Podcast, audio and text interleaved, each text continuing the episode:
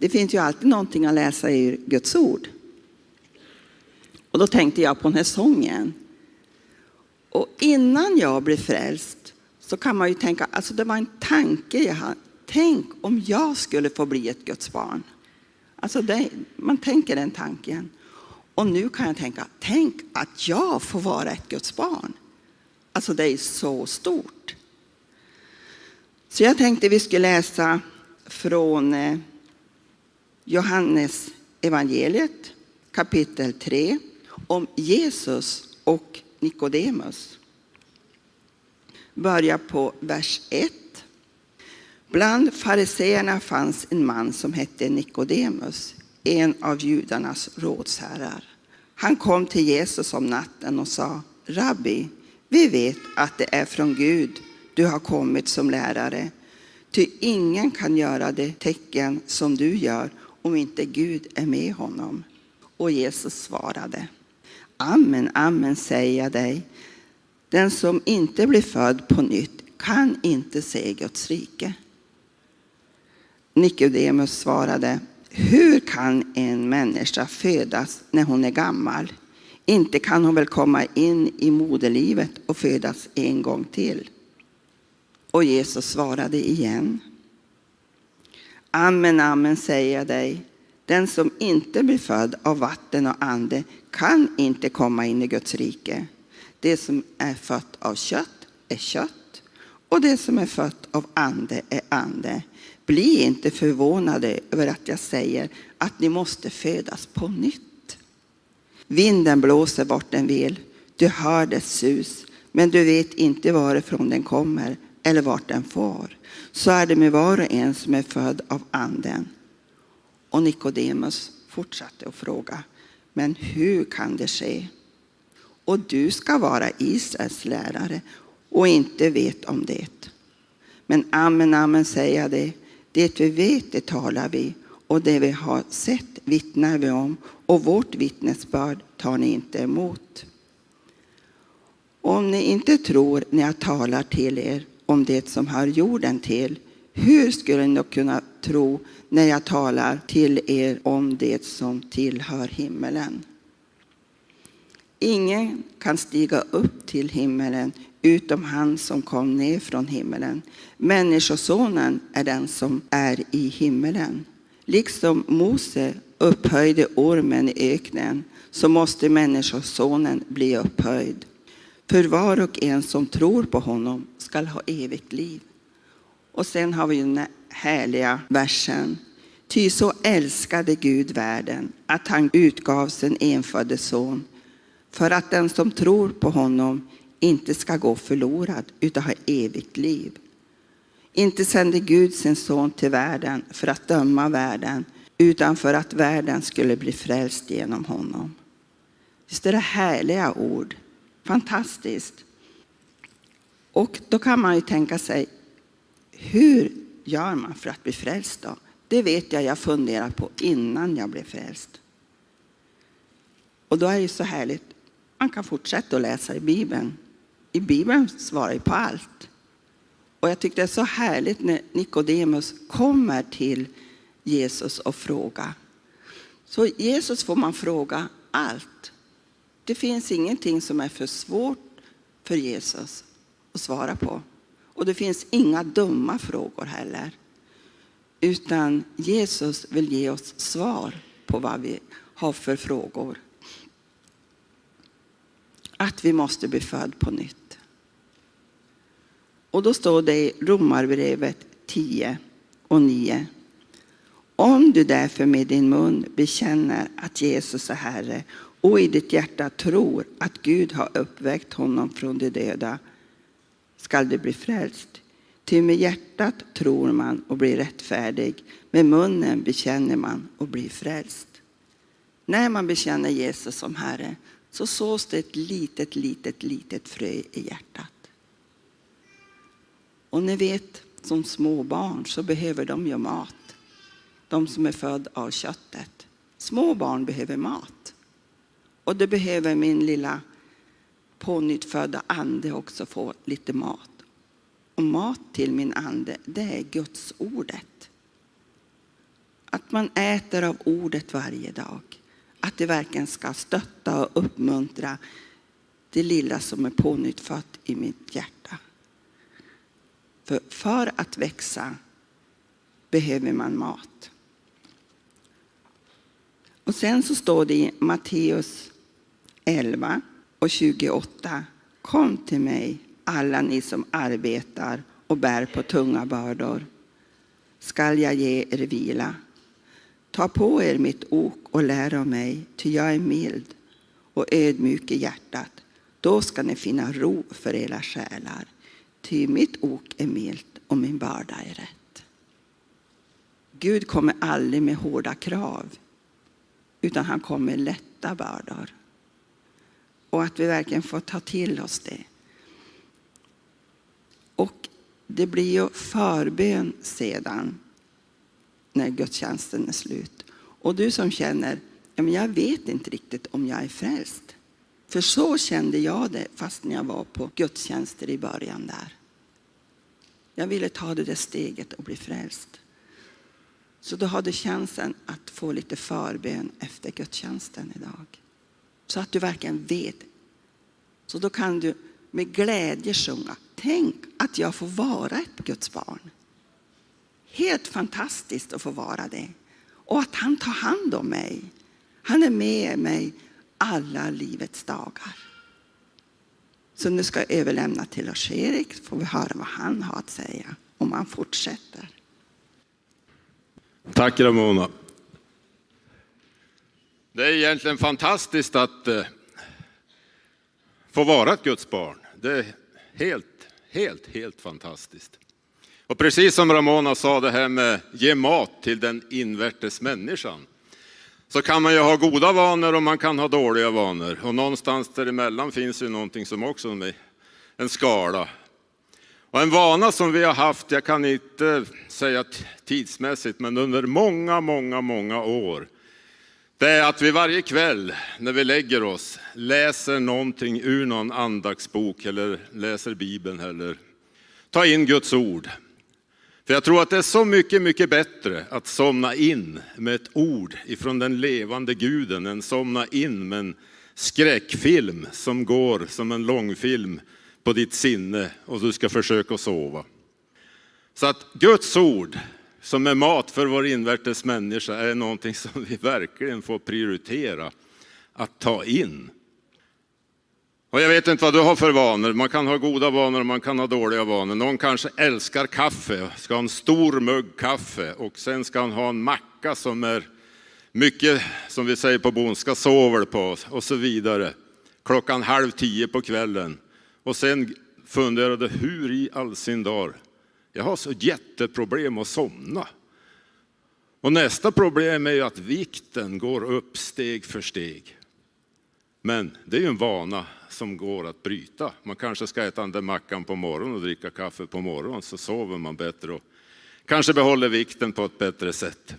Så vanor är jätteviktiga. Och en, som jag sa, vanan att läsa ur en andaktsbok har vi då på kvällen. Och jag ska läsa från en sida här. Det står så här. Herren vill ge dig vad ditt hjärta begär. Och vi har hört om Gud är kärlek och Gud vill välsigna oss och Gud vill förse oss med det vi behöver. Och då står det så här från Saltaren 37, 3 och 4. Förtrösta på Herren och gör det goda. Bli kvar i landet och sträva efter trofasthet. Ha din glädje i Herren, han ska ge dig vad ditt hjärta begär. Tänk få lägga sig ner på kvällen och ha läst det här och de orden får verka på insidan. Herren vill ge mig vad mitt hjärta begär. då står det så här, Gud är en god Gud och en kärleksrik fader. Och han lägger ner i våra hjärtan olika önskningar och begär. Och han är den som verkar i vår vilja för att hans vilja ska ske. Ordet begär betyder inte ond begärelse. Begär kan vara positivt eller negativt. Det har med sig något passionerat. Och när Gud lägger något i ditt hjärta börjar du längta efter det. Du börjar åtrå det med en helig och ren glöd. Felet med människor som inte tror är inte att de är passionerade, utan de är passionerade för fel saker. Men när Herren får vidröra en troendes hjärta läggs en glöd, en nitälskan i hans inre. Det väcks en stark längtan efter att se något annorlunda. Och när du tittar på nyheterna på tv, då är det information. Få människor reagerar på informationen och gör något åt det. Det är bara informationen som ger stimulans eller avkoppling för stunden. Men så fungerar det inte när Gud ger sin information, sin uppenbarelse. Då väcks en längtan efter detta ska bli verklighet. Det kan gälla bönesvar i mitt personliga liv. Det kan gälla seger över ett problem. Det kan gälla genombrott på ny nivå i mitt andliga liv. Det kan gälla väckelse i landet. Vad den är som börjar, började med en längtan som växer till ett passionerat begär. Då blir hela din varelse engagerad i det. Då ropar ditt inre efter det. Då inrättas dina handlingar efter det. Istället för att bli frustrerad över att det tar tid ska du ha kvar din glädje i Herren och veta att han verkligen ska ge dig vad ditt hjärta begär. Det finns mycket sanning, mycket klokt i de här orden. Och vi hade några goda vänner hemma hos oss igår kväll och samtalet kom att komma in på hur ska man göra så att man inte tappar glöden, tappar inspirationen, tappar längtan, tappar drivet att verkligen leva nära Jesus, göra det Gud vill göra. Att man får en längtan, en hunger att jag vill vara med, jag vill hjälpa till så att människor Få möta Jesus. Och som Ramona berättar, tänk att jag får vara ett Guds barn. Och nu finns det naturligtvis många olika parametrar som gör att man steg för steg kanske, ja, det här med Jesus och det här med gå till kyrkan, det blir en eh, bisak. Det finns så mycket annat som fångar min uppmärksamhet. Det finns så mycket annat som fångar min längtan. Och steg för steg så dras man bort ifrån det som ju är det viktigaste, livet tillsammans med Jesus, livet tillsammans med den helige Ande. Och det tror jag alla vi som är här har upplevt perioder i våra liv där det känns lite tuffare, det känns lite jobbigare och sen tack vare Guds nåd, tack vare Guds hjälp så kommer man åter på banan. Och då är det så bra, så viktigt att du aldrig glömmer församlingen, att du aldrig glömmer att som Jesus han hade som sed var att han gick till synagogan. Att du har en sed att även om det känns jobbigt, även om det känns tungt, ska jag måste, ska jag måste, ska jag måste.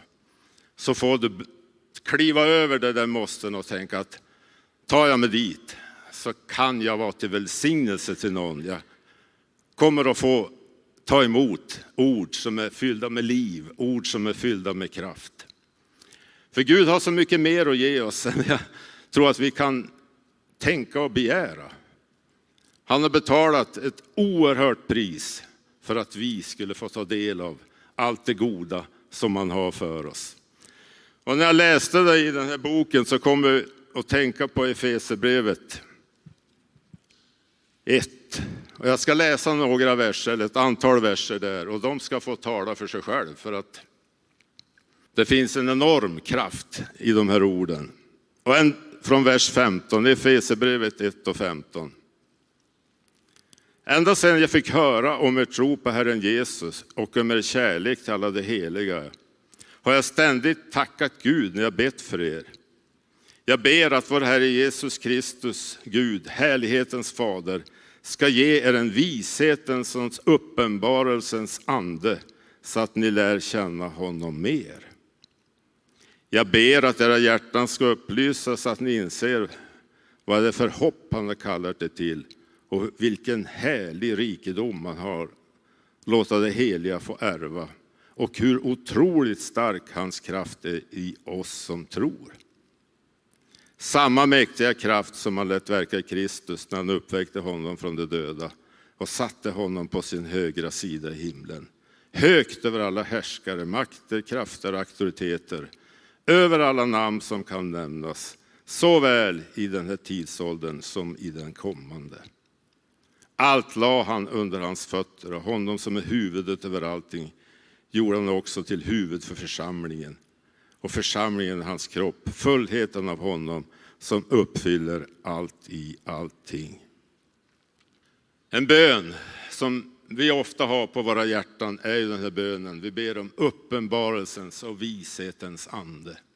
Så att vi verkligen på djupet i våra hjärtan, inte bara en ytlig huvudkunskap, utan att vi på djupet i våra hjärtan inser och förstår hur mycket gott vi äger i Kristus Jesus. Och när man får den insikten, när man får den uppenbarelsen, när man får det djupet, då tror jag att man prioriterar åt ett visst håll. Och det är det att man vill ha mer, man vill ha mer, man vill ha mer av Jesus i sitt liv. Och det otroliga är ju det att vi kan aldrig sträcka oss så mycket att det inte finns mer att få.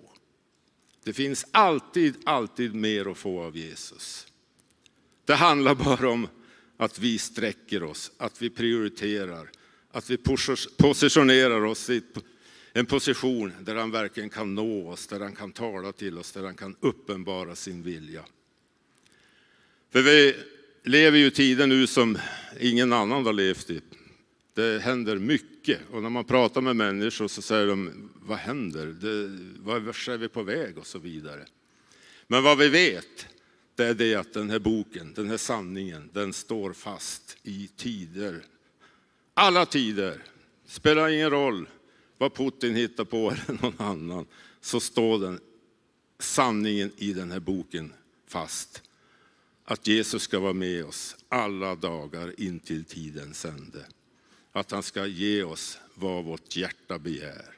Så glöm aldrig det, vikten av att välja livet tillsammans med Jesus och leva av de rikedomar som han har att ge oss.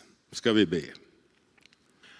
Ja, Herre, vi är så tacksamma för att vi får ha ditt ord. Vi är så tacksamma för att vi får mötas och prisa och ära dig, umgås med varandra. Och verkligen se och förstå vikten av att vi lever tillsammans i de tider som är, Herre. Att vi inte är som små öar, öar som finns lite här och där, utan vi kommer samman som den levande Gudens församling och bara få äta av ditt ord, ta till oss av ditt ord, Herre.